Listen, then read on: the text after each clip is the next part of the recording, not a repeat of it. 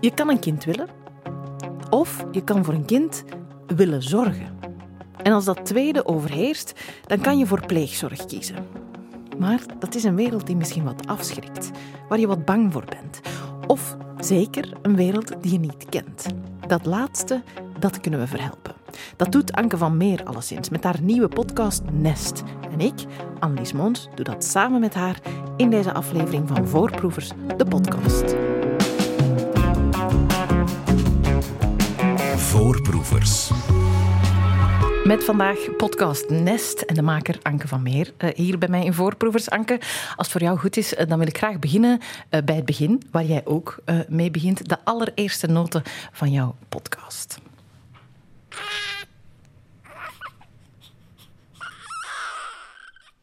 Hier begint het.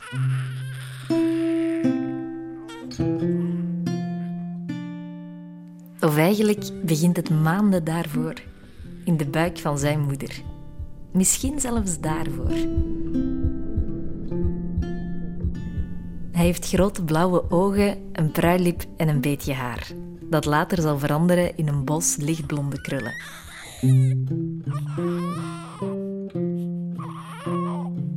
November komt hij op de wereld, klaar om echt te beginnen.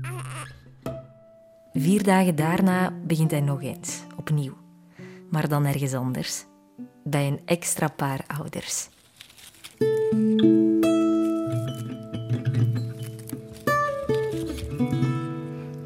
Meteen vallen mij een paar dingen op. Uh, dat is één, hoe mooi je podcasts maakt. Twee, uh, dat dit kindje meer dan één begin heeft. En drie, dat jij spreekt over extra ouders. Mm -hmm. En de extra ouders in dit geval, dat zijn jouw broer en zijn vriend. Uh, want dat is hoe jij met de pleegzorg bent in contact gekomen. Op een bepaald moment beslissen zij en bellen zij jou of zeggen zij jou... we gaan ons aanmelden voor pleegzorg. Ja, wat, klopt. Wat was jouw initiële reactie? Ik was super blij. Ja, ik weet nog heel goed. Het was mijn broer die dat... Ik woonde toen nog thuis. En mijn broer die kwam op bezoek uh, in ons ouderlijke huis. En hij vroeg of ik even met hem mee naar buiten wilde komen, naar de tuin. Want hij wilde mij iets vragen. Um, en hij deed heel geheimzinnig. En dan zei hij dat hij pleegzorg wilde doen. En um, vroeg hij zich af of dat ik wilde helpen met de selectieprocedure. En ik weet, ik weet nog, dat weet hij zelf niet, denk ik. Maar ik weet nog, emotioneel als ik ben, dat ik mijn tranen moest onderdrukken. Meteen. Omdat ik zo blij was. Ja, um, maar ze waren toen nog niet helemaal zeker. Maar dan uiteindelijk zeiden we... Um, ja, gaan uitzoeken wat dat, dat is en mm. hoe hij zich kan aanmelden. Ja, want je had meteen je microfoon ook bij. Uh, dat heb je dan met een radiomaker als ja. natuurlijk. Maar um, met welk idee van pleegzorg zat jij op dat moment in jouw hoofd? Um, goh, ik denk een heel um, onwetend beeld. Ik, zou, ik wilde eerst zeggen eenzijdig, maar ik weet niet of het al eenzijdig was, want ik wist wel dat het beeld dat ik had, dat dat niet het beeld zou zijn of zo. Maar ik, ik dacht vooral, dat is iets heel moois en je kan daar kinderen mee redden. Zo een naïef beeld eigenlijk. Ja, ja. ja, ja dat snap ik. Ik denk dat veel mensen uh, dat hebben, een naïef beeld. Een beeld vol clichés misschien mm -hmm. ook wel. Gisteren was er ook uh, Durf te vragen op, op één uh, met Siska Scooters over pleegzorg. Daarin viel dat ook op, dat er wat ja, cliché-vragen mm -hmm. dan boven komen, zoals dat gaat met zo'n dingen. Dat beeld dat jij over pleegzorg had, is ongetwijfeld bijgesteld door vier jaar lang deze podcast te maken. Hoe komt het dat je er vier jaar mee bent bezig Goh, om, in eerste instantie was er eigenlijk helemaal geen plan om een podcast te maken. Ik eh, ben super nostalgisch en super melancholisch en ik hou heel veel van herinneringen. En ik was eigenlijk gewoon van plan om hun hele traject op te nemen. En eh, het leek me dan misschien leuk, ofwel voor ons persoonlijk, ofwel om daarover 15, 20 jaar iets met dat materiaal te doen, waarbij je een soort coming-of-age uh, verhaal hoort, Ah, ja. waarin dat je iedereen ouder en ouder en ouder hoort worden.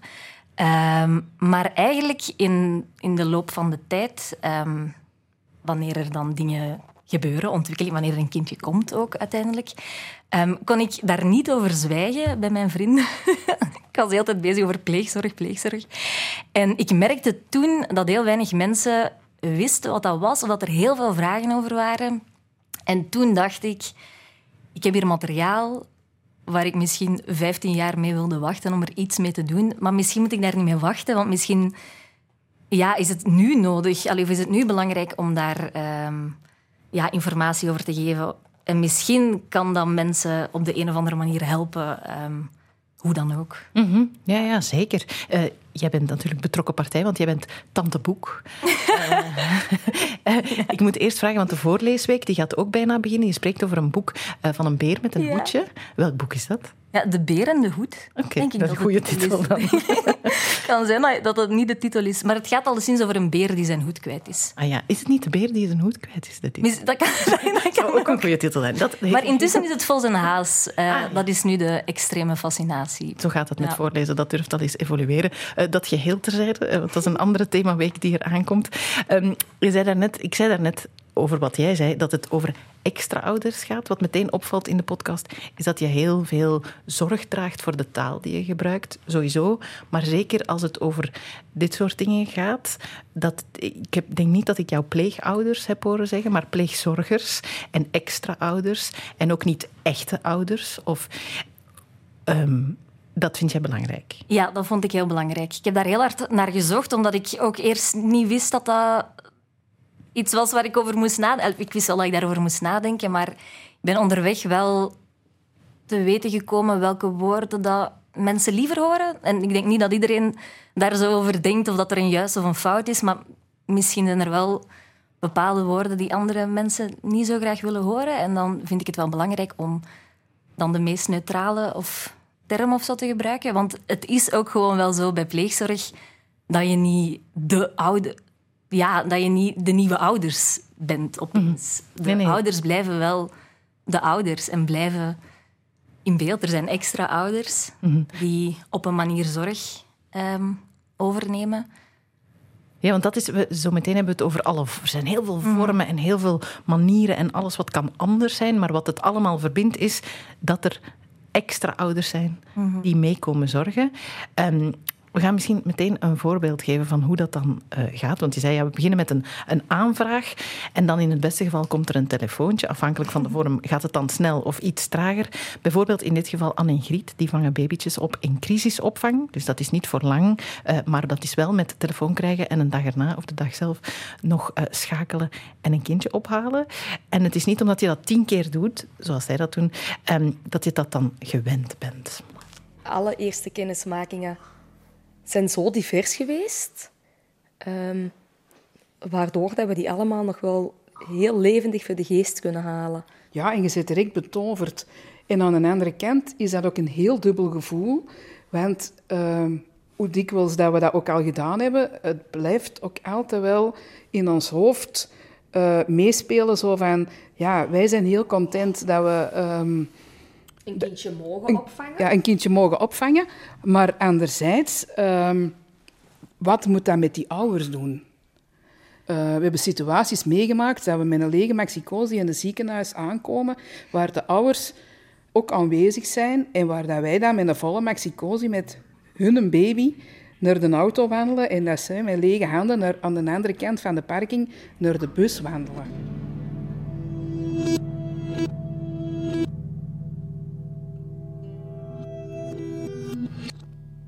En dan hebben wij ehm, op ons lip gebeten. En in een auto alle twee even moeten wenen. Ehm, dat was een heel moeilijk. Ja, ik vond dat heel erg moeilijk toen op die moment. Eh, vooral ook omdat de ouders ons toen ook al bedankten omdat we voor hun kind gingen zorgen eh, en dat ze daar wel een goed gevoel bij hadden. En dan denk ik altijd van, goh, mannetjes, hoe knap is dit dat je je eigen belang opzij kunt zetten in het belang van je kind. Terwijl dat ik het aan het vertellen ben, krijg ik nog altijd kippenvel. Het blijft hun kind. En dat zal altijd zo zijn. Het is voor mij bijna een samenvatting van heel pleegzorg. Zoveel dubbele gevoelens en complexiteit. En elke keer als je denkt, ah ja, dat is triest voor de ene en blij voor de andere, en dan is de ander toch aan het wenen. Is dat ook wat jou eraan verrast heeft? Verras niet, maar wel me daar veel meer bewust. Ik ben me daar veel meer bewust van geworden dat er heel veel kanten zijn. En ja, ik volgde alles langs de kant van mijn broer. Dus wat dat hij voelde, voelde ik ook. En dat was dan, ah, yes, er komt een kindje. En dan denk ik wel dat pas door eigenlijk ja, andere mensen te horen en door eh, ook ouders te horen, dat je dan pas ja, opeens extra of veel meer beseft. En nog altijd niet helemaal van... Ja, wow, er zijn wel heel veel meer kanten dan gewoon wij die nu blij zijn. Ja, dat, dat is verschrikkelijk. Hè? Als, er is, ja, Ik kan je niet inbeelden wat dat aan de andere kant doet met iemand. Voorproevers. Jazeker, en het gaat hier vandaag over Nest, nieuwe podcast op VRT Max van onze Radio 1-collega Anke van Meer. Uh, Anke, jij maakt de pleegzorg mee uh, van dichtbij bij je broer. Dat is een extreem spannend traject uh, geweest, dat kunnen we volgen in de podcast. Um, zij kiezen voor langdurige pleegzorg. Wat wil dat concreet zeggen? Dat wil zeggen dat een kindje um, voor een lange tijd bij u kan blijven. Dus niet voor een maand of een half jaar. Dat is met een iets langer idee daarvan. Maar dat wil ook zeggen, dat wil niet zeggen dat dat voor altijd gaat zijn, sowieso. Het is niet van 18 jaar nee, uh, nee, of langer. Nee, uh, nee. En dan los daarvan wil dat ook natuurlijk, zoals bij alle vormen, altijd zeggen dat de ouders aanwezig blijven. Maar dat heb ik daarnet al gezegd, natuurlijk. Mm. Um, maar ja, dat is een lange tijd. Maar hoe lang, dat, dat, um, dat weet je niet. Nee, wat wel een spannende een extra spannende factor is. Wat misschien ook wel wat mensen afschrikt als het ja. over pleegzorg gaat. Daarom dat misschien mensen sneller naar adoptie. Ja, ja dat is waar. Um, maar ik ben natuurlijk zelf geen expert, maar ik heb ook met een jeugdrechter gesproken voor de podcast. En wat, wat zij dan wel vertelde, is dat zoiets niet op de. Allee, er zijn vrijwillige plaatsingen en er zijn plaatsingen die via de jeugdrechtbank gaan. Um, en in dat geval dan beslist de jeugdrechter. Um, best veel wat er um, gaat gebeuren met, met het kind. Mm -hmm. um, dus ook bijvoorbeeld dat hij terug zou gaan naar de ouders. En wat zij mij vertelde, is dat dat wel niet ja, zomaar van de ene dag op de andere, zonder dat je daarop voorbereid bent, telefoon, hallo, um, het kind gaat nu weg. Zo werkt het ook wel niet. Dus ja, kinderen kunnen teruggaan, maar dat is wel niet... Het is Zomaar van de ene dag op de andere. Ja, je, je weet wel, je wordt daar wel wat op voorbereid. En in betrokken. een traject, je wordt daarbij betrokken. Ja, ja want dat, dat, dat valt op. Dat, uh, je hebt de, de ouders, je hebt de extra ouders. Uh, en je hebt pleegzorg dat ook een zeer actieve rol speelt in mm -hmm. het, het hele traject. Dat is met begeleiders, dat is met hulp en steun. En dat is zeker niet alleen. Dat is een van de dingen die wat kan fluctueren, denk ik. We hadden het daarnet ook al over crisishulp. Dan is dat voor een paar maanden of voor een paar weken. Mm -hmm. um, maar de, de opties zijn eigenlijk eindeloos. Hè, van ja. hoe je kan in pleegzorg stappen. Ja, er zijn heel veel... Er zijn heel veel manieren. Ja, het kan voor een heel lange tijd zijn, maar zoals je zei, het kan ook crisisopvang zijn, waarbij je dan misschien maar voor twee weken of zo iemand opvangt. Maar dat kan ook dan weer crisisopvang zijn, waarbij dat je openstaat voor wel een langere plaatsing van een jaar bijvoorbeeld. Uh, maar er is ook ondersteunende pleegzorg. En ja, dat, dat kende ik niet. Dat... Ja, ik kende dat ook niet. Want dat, ja. dat is... Dat is... Dan kan je um, een pleegkindje opvangen voor bijvoorbeeld elk weekend, of bijvoorbeeld om de twee weekends, of bijvoorbeeld om de drie weekends. Mm -hmm. um, dat kan je ook aangeven en kijken wat dat haalbaar is binnen jouw gezin. Want dat is heel belangrijk natuurlijk. Dat je voor iets kiest wat dat je aan kan. En waarbij dat je ja, zeker weet van hier ga ik voor. En... Ja, hoe moeilijk dat soms ook is, want in jouw podcast leren we uh, Rosa uh, mm -hmm. kennen. Uh, zij doet dan ondersteunende pleegzorg om de drie weken. Is ja, er een weekend? Klopt. Ja, en in, in, de vakanties soms nog iets vaker. Ja, um, maar dat is niet altijd makkelijk om het bij die, die weekends te houden. We gaan eens even luisteren. We zorgen niet voor dat die hier kan wonen en 100% deel kan uitmaken van het gezin. Dus dat doen we, we doen ook veel niet.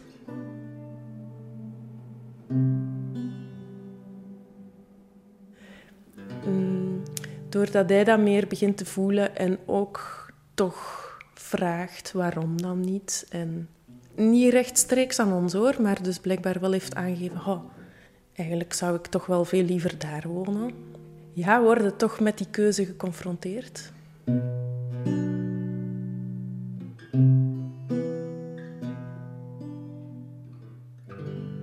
We zouden het niet kunnen. Dat is heel simpel. Het zou niet goed zijn voor ons.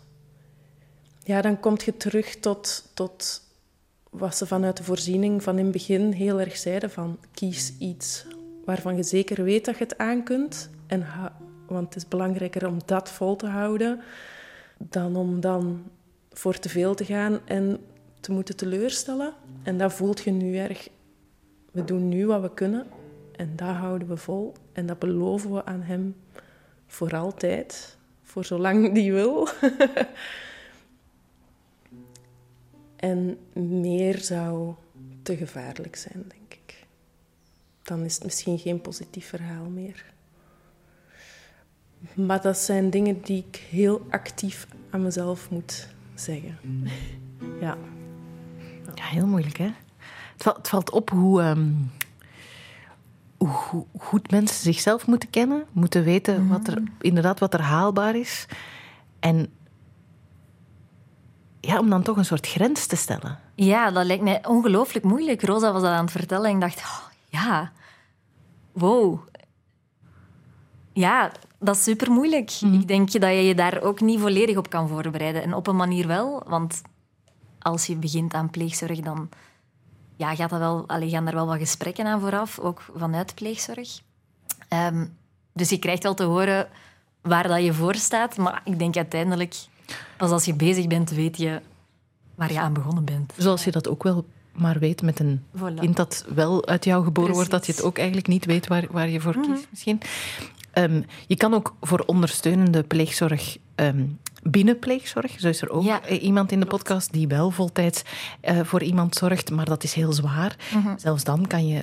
Er zijn, ik zeg het, er zijn zoveel Ja. vormen ehm, dat er eigenlijk bijna voor elk gezin bijna een, een, eh, een plekje zou kunnen zijn. Of in elk gezin wel een plekje zou kunnen zijn Ja, dat is zo. Voor, ehm, is er iets wat voor jou alle mensen die als pleegzorger fungeren verenigt? Kan je zeggen van dat, dat zijn het soort mensen die daarvoor kiezen? Ja, klinkt heel cliché misschien, maar warmte. Alleen de mensen die ik gesproken heb, ehm, ja, die zijn allemaal gewoon ongelooflijk warm en lief. En die willen echt het beste voor al die kinderen. Ja, Mm. En dan kan je misschien moeilijke keuzes maken. ja ook, ja. Ja. Ehm, op een bepaald moment gaat het ook over. ehm, ik denk dat het jouw broer is die het zegt van het is wel zwaar met, met een jong kind sowieso.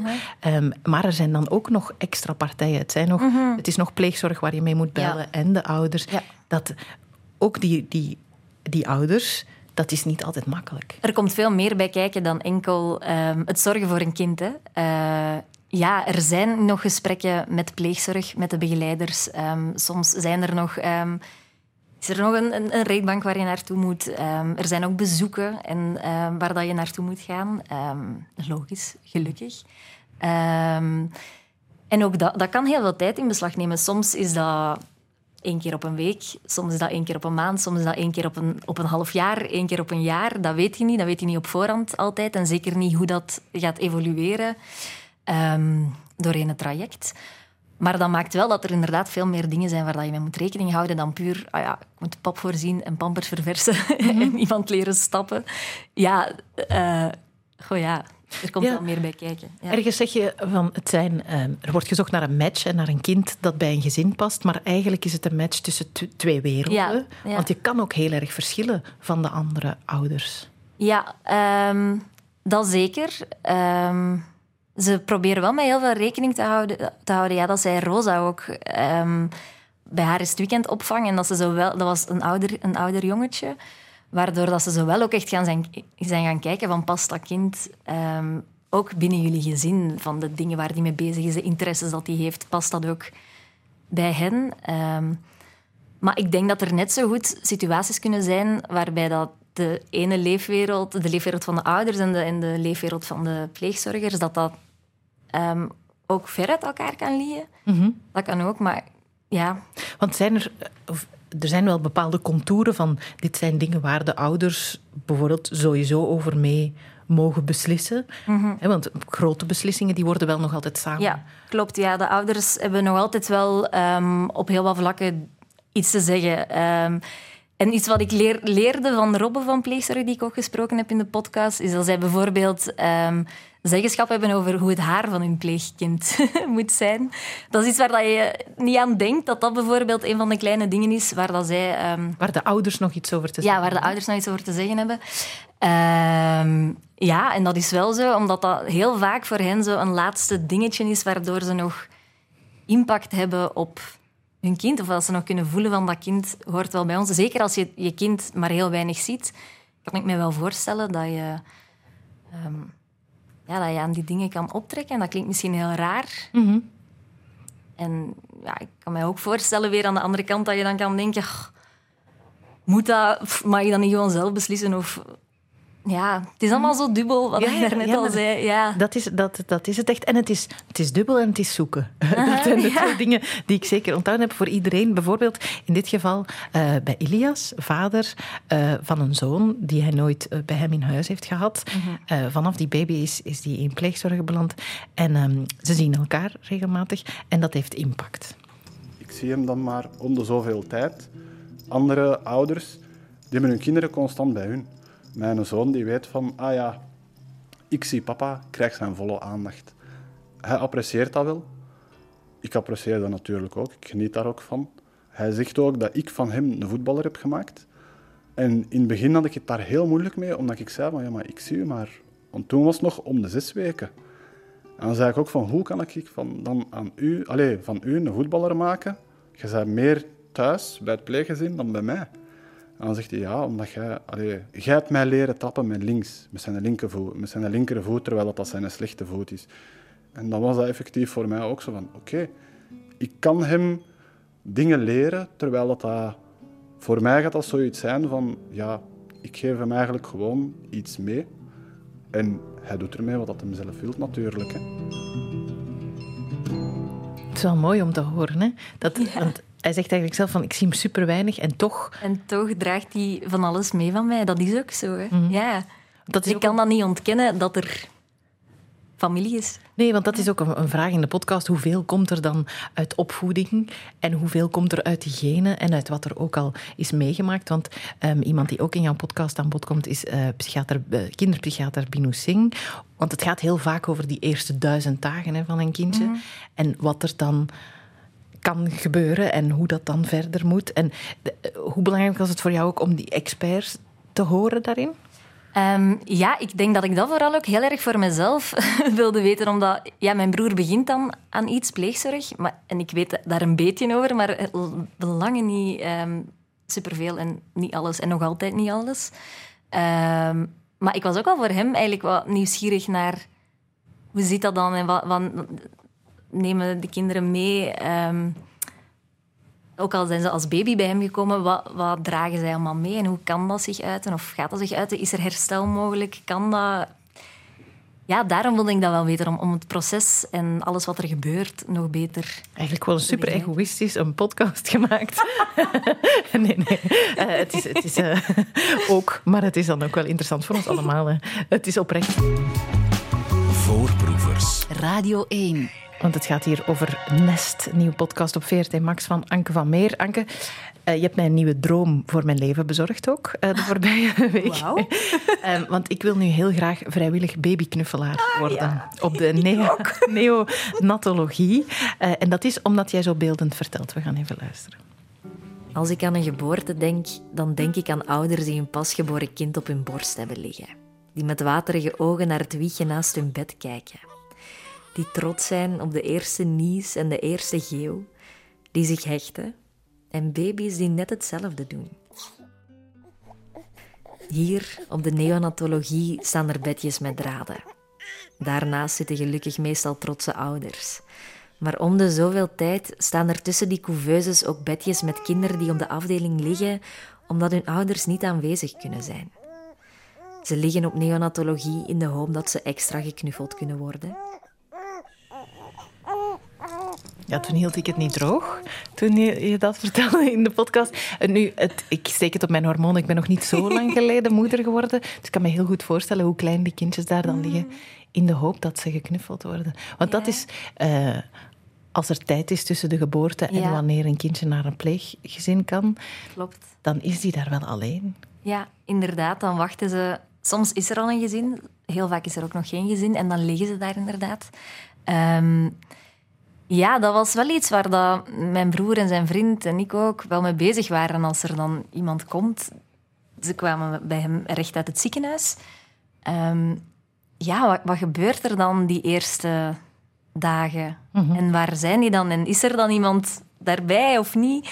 Ehm, en dan zijn we ook naar neonatologie gegaan om te horen van hoe, hoe zit dat precies? En dan hoorde ik dus, wat je net zei, ehm, dat er dus ook wel gelukkig vrijwilligers zijn die dat, eh, er zijn om die babytjes vast te houden. Ja. Maar Gelukkig. kan altijd meer, hè?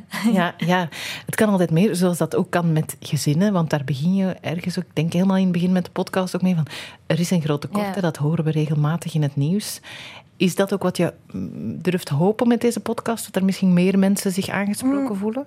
Ja, tweeledig denk ik. Ik hoop vooral de juiste mensen. En met juiste mensen bedoel ik dat je er voor, voorbereid aan begint. Als in, ik hoop dat het mensen aanspreekt en dat ze denken, ah ja, amai, ja, ik heb daar ruimte voor en ik wil dat doen. En ah, ik wist niet dat het ook weekendopvang kon zijn. En dat is misschien wel een vorm die dat bij mij, mij kan passen, want langdurig dat is te hoog gegrepen. Aan de andere kant hoop ik ook wel dat mensen merken dat het niet zomaar even een kind in huis pakken is. Ehm, Ja, want waar ik moest aan denken.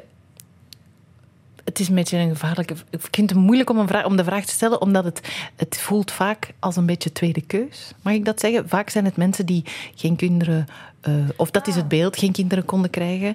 Of die biologisch niet in staat zijn om een eigen kind. Ik weet niet of dat, of dat eh, altijd zo is eigenlijk hoor. Goh, ik denk voor heel veel mensen dat dat juist ook iets is van we hebben nog plaats en ruimte vrij en we willen nog heel graag voor iemand zorgen, maar moet dat dan een eigen kind zijn? Ja, het verschil tussen een kind willen of voor een kind willen zorgen. Ja, dat is een verschil hè. Ja, ja, ja zeker. Dat heb ik ook geleerd in jouw podcast. Dat het voor veel mensen. We hebben hier nog een beetje plaats. En, en vooral nog wat liefde en nog wat. En we kunnen een verschil maken ook. Ja, en dat kan echt. Je kan echt een verschil maken. Dat heb ik ook echt gezien. En dat is weer zo een cliché, maar dat kan echt. Je kunt zoveel doen.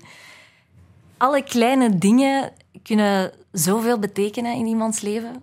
Ehm, ja, gewoon even een hand vasthouden, om daar even naar kijken of even knipogen. Of, dat is zo kei belachelijk, hè? maar het moet niet eens super groot zijn om iets te kunnen betekenen. En ik denk dat als je dan, al is het maar een weekend, al is het maar een dag, al is het, allee, ik zeg maar, ik bedoel niet maar, al is het, allee, of dat nu een weekend is of een heel leven. Heel Ja, als je voor iemand zorgen, zorgt of als je voelt dat er voor je gezorgd wordt, denk ik dat dat heel veel kan betekenen in een later leven, op, op welke manier dan ook. En pleegzorg is daar een mooi voorbeeld van, maar er zijn ook nog meer vormen om voor mensen te zorgen natuurlijk. Ja, ja, zeker. Het, het helpt ook om meer over te weten. Eh, alle clichés die er misschien al bestonden in mijn hoofd, waren wel ook ontkracht wanneer ik luisterde naar de podcast. Ehm, ik moet heel de tijd denken aan iets, ehm, ik weet niet meer wie het zegt, maar de, een van de clichés is dat mensen dan ook vragen van, is dat dan niet moeilijk als dat kindje dan weg moet? En eh, gaat u dan niet hechten? En wat antwoordt jouw personage? Ehm, ja, natuurlijk hechten u, maar als we ons niet meer zouden hechten, dan zijn we niet goed bezig en dan kan het beter ehm, naar ergens anders gaan. Ja, Dat is zo, ja, je moet je hechten. En het is dat heeft net een kind nodig, ja, ja. dat is net de bedoeling. ja.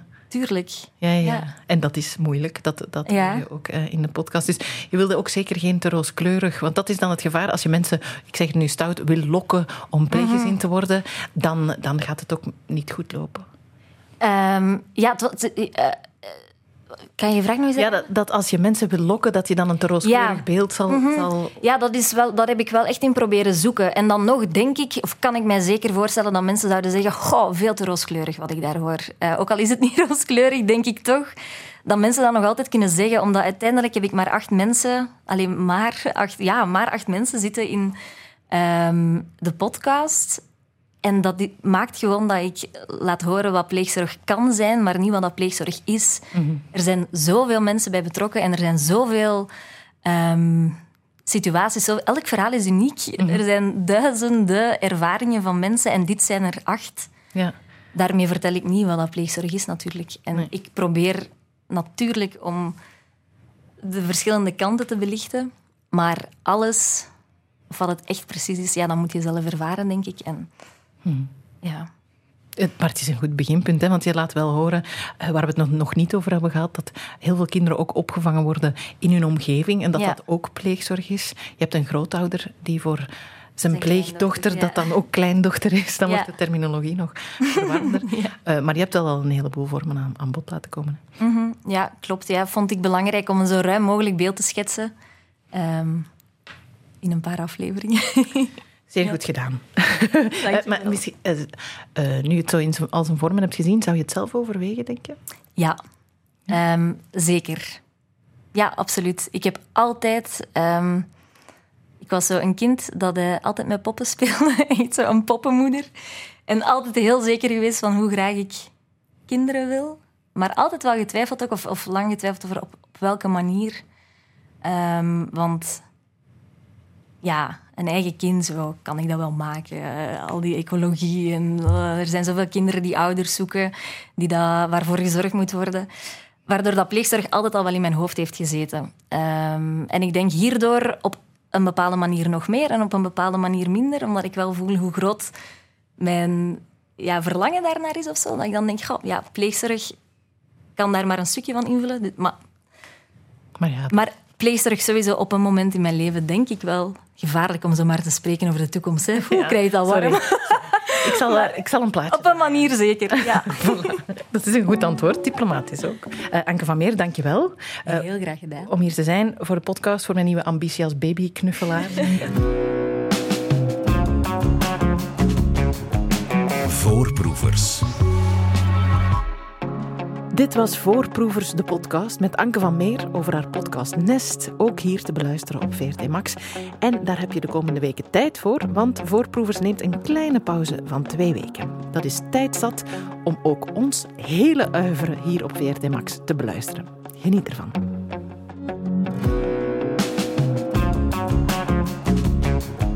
Voorproevers.